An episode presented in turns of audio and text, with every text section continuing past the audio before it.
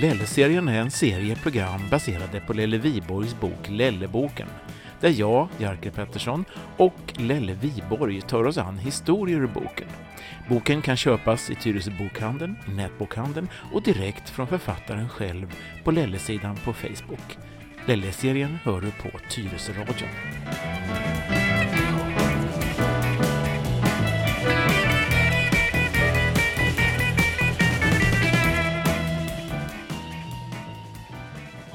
Välkommen återigen här och Lelle Viborg in i lilla studion till avsnitt två av Lelle-serien. Tackar. Och den här gången så ska vi som förra gången borra lite vidare i en av historierna ur Lelleboken. Och vilken har vi valt den här gången då? Jo, den här gången har vi valt någonting som heter rättning i ledet. Och rättning i ledet låter ju spännande. Spännande. För de som har läst boken vet vad det handlar om. Men ska du dra den? Mm. Rättning i ledet det syftar på att eh, jag har alltid haft lite svårt att rätta in mig i ledet när jag tycker att någonting inte riktigt är som jag vill ha det. Och det, det handlar ju om det här med att kategorisera folk och, och sätta in dem i fack och såna här saker. Och när det här utspelade sig då hade jag slutat med taxi och drev bensinmackar. Vilket årtal snackar vi? Vi snackar om eh, slutet på 80, början på 90-talet. Jag jobbade då på ett oljebolag och blev headhuntad eller, eller ja, utköpt, överköpt till ett annat bolag, ett stort amerikanskt bolag. Och där hade man då en idé om att allting skulle se likadant ut. Alltså du skulle veta exakt vad en 200 grams mjölkchokladkaka låg. Det spelar ingen roll om du var i Ystad eller Haparanda. Och man, man drog det där in absurdum så att säga. Så att man skulle till och med ha cityshorts. Vet du vad det är? Mm -hmm. Jag kommer ihåg begreppet och jag ja, vet. Visst, mm. och det där gick ju jättebra då för oss som jobbade i södra Sverige för det mesta. Men, men grabbarna uppe i Jukkasjärvi liksom, de blev lite sura när de blev tvungna att gå i kortbrallor ut och tanka skotran. Liksom. Det blev lite, ja, lite kallt. Ja, det blev lite dragigt om knäna. Det här Men, var någon slags varumärkestänkande då som ja, skulle vara helt mm, var, diktatur. Var, ja, det mm. var det. Det var ett, ett koncept. Ett koncept. Och, och de, som, de som genomförde det här, det var ju ett gäng kostymknuttar i 30-årsåldern som inte hade gjort någonting med sina händer tidigare i livet. Utan de, de skulle bara bestämma att så här skulle det vara. Och man hade då fina titlar, allt från Key Account Manager och, och såna här saker. Liksom. Jag tror inte ens de visste själva vad det betydde. Och jag var ju då sedd som en, ja vad ska man kalla det för, en rebell av något slag. Jag gjorde ju inte alls som jag blev tillsagd och det var inget bra. Och du var föreståndare för en station då? Alltså. Ja, flera faktiskt. Flera. Mm. Mm. Och jag kan ju berätta det här nu för att det var ju det här läget som, som det jag gjorde nu, det var det som gjorde att jag fick sparken faktiskt. Jag hade ett ganska bra jobb, men jag fick sparken. För, för att jag, jag var olydig. Okej. Okay. Mm, I alla fall så hade jag, jag hade två stycken stora mackar. En i innerstan och en ute på Värmdö. Och det här var ju så vitt skilda kundkategorier på de här mackarna. Jag menar ute i, i skärgården där ville man ha eh, gräsklippare och man ville ha eh, båtgrejer och sådana här saker. Eh, och innerstaden där, där sålde man mycket bilbatterier och sådana här saker. Och cykeltillbehör. Och, och det där tyckte jag ju att man skulle ju anpassa då sortimentet till efterfrågan, tyckte jag. Det låter väldigt naturligt om vi säger det så här år 2019 i alla fall. Ja, precis. Men det var inte det då. 30 år sedan. Utan jag fick, eh, tror jag, 14 dagar på mig eller om det bara var en vecka på att plocka bort allting som inte tillhörde konceptet. Mm -hmm. Och jag hade ju då drivit upp det här så att de här två mackarna det var bland det lönsammaste man någonsin hade sett. På grund utav, eller tack vare att jag anpassade sortimentet efter vad folk ville ha. Men eh, det sågs inte med blida ögon utan jag fick som sagt då någon vecka på mig att plocka bort allt som inte ingick i konceptet. Och eh, det gjorde jag ju. Jag tänkte det börjar närma sig jul och jag tänkte att jag får väl göra det då. För att, för att liksom få frid och ro. Och, men så tänkte jag att jag ska göra någonting lite roligt så att jag pratade med en polare som hade ett event eventföretag. Han sålde stora såna här, eller sålde, han hyrde ut stora varmluftsballonger. Alltså typ zeppelinare eller någonting sånt där. Hur stora då? Ja, jättestora. Alltså de var, jag kan inte riktigt förklara i meter, men de var i alla fall så stora så att man, man kunde gå in i ena skon på, det var en tomte i det här fallet. Oj! Ja, den var jättestor och den stod på taket med belysning och grejer. Och jättefin och kunderna tyckte om den där.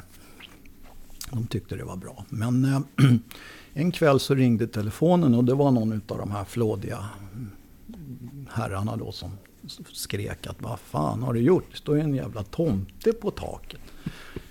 ja, sa det är ju jul snart. Ja, men den ingår ju inte i konceptet. Nej, det gör den väl inte, men den är fin i alla fall tyckte jag. Men... Och då förklarade han för mig att det fanns ju då folk som hade fått sparken för mindre än att göra sådana där saker. Bort med tomten. Mm -hmm. Lite hot där alltså. Ja, bort med tomten och det skulle gå undan. Det skulle inte ens diskuteras. Nej men så jag, jag tar inte bort tomten nu innan jul. Den kan väl få stå i alla fall på julafton där. Nej, den skulle bort. Ha, och då tänkte jag att får jag ringa till min polare igen då. Och så gick, åkte vi ner på kvällen och så började, hjälpte jag honom så att vi tog bort den där tomten. Och då sa han så där i förbigående att ja, jag har ju jag har en pingvin också. som är lika stor. Jaha, tänkte jag. Ja, men det är ju bra. Så vi smällde väl upp den där pingvinen istället. Ja. Ja, och du kan ju tänka dig vad han sa när han ringde nästa gång. Ja. Chef. Ja. Ja. Jag, ja, och då mm. sa jag, men jag har ju gjort som du sa. Jag har ju tagit bort tomten. Vad skriker du för? Ja. Det står ju jävla pingvin där istället. Ja, men det har vi inte diskuterat, sa jag då. Och då, du, blev, då blev han ännu argare. Gick säkringen på honom? Typ. Ja, då blev han ännu argare som sagt. Och, och sen så blev jag ju då uppkallad till huvudkontoret och de talade ju om då hur saker och ting skulle vara och vad som hände med folk som inte lydde order och så vidare. Så att eh, jag fick ju i stort sett sparken på stående fot där. Rakt av bara? Ja, det var väl inte vi, vi var lite överens där om att inte jag skulle jobba kvar. Vi, okay. det, var, det var liksom ömsesidigt där. Jag tror till och med jag fick några spänn för att jag skulle sluta faktiskt. Du trivdes inte med den där ledningen och konceptet då? Nej, jag gjorde ju inte det. Och sen som, som avslutning på det hela då så hade jag faktiskt lyckats hitta en liten uppblåsbar pingvin som jag satte på chefens bil när jag åkte därifrån.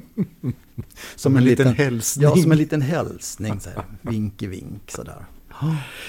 Ja, nej, som sagt så kan det gå när man inte kan inrätta sig i ledet. Då får man börja göra andra saker. Ja, alltså det här är ju 30 år sedan då, ungefär ja, i alla fall. Va? Mm. Och frågan är om den här, alltså den här idén med det stenhårda konceptet. Jag försöker tänka efter, var det så att för 30 år sedan så var det liksom den stil som gällde, eller? Jag vet inte riktigt för att jag är ju som sagt inte då kvar i branschen. Så att jag har väl ingen riktig koll på just bensinmaxbranschen. Men nog tycker jag att det har blivit en ganska konstig utveckling. För att man har ju inte några bilrelaterade grejer längre. Utan det är ju mest korv och, och fika och sådana här saker. Ja, men det du egentligen hade gjort, om jag förstår det, på de här mackarna som du förestod, så hade du tagit reda på vad folk behövde och ville ha. Ja. Beroende på var de befann sig och vilka människor de var. Och mm. så tillhandahöll du det. Just det. Och, och som ett exempel då så, så de som bodde till exempel hade stora sommarställen ute på Värmdö och sådana här saker. De kom inte och frågade om jag hade en gräsklippare eller om jag skulle vad den kostade och så vidare. Utan gick deras gräsklippare sönder då ville de ha en ny. Nu, inte, inte nästa vecka eller veckan därpå. Och man diskuterade inte vad saker och ting kostar utan man köpte det där bara. Mm. Och det där gällde ju som affärsman då, det där ska man ju ta tillvara på tyckte jag.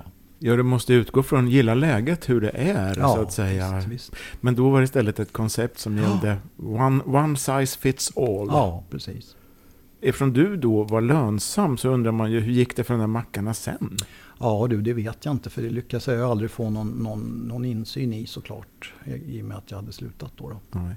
Och det här var ju alltså då som sagt var 30 år sedan. Och det var innan, då tänker jag lite grann så här, det fanns ju en tid när allting var det här jag säga, det var, man, man säger att det var produktionsorienterat, det vill säga nu gör vi 10 000 sådana som vi ska trycka ut till marknaden. Mm. Det var ju liksom en tidevarv. Mm. Och sen så går saker och ting över då på 2000-talet åtminstone att bli mera kundorienterat. Att vi gör det som folk frågar efter. Ja, Det är ju en, en utveckling. Va? Att Mm.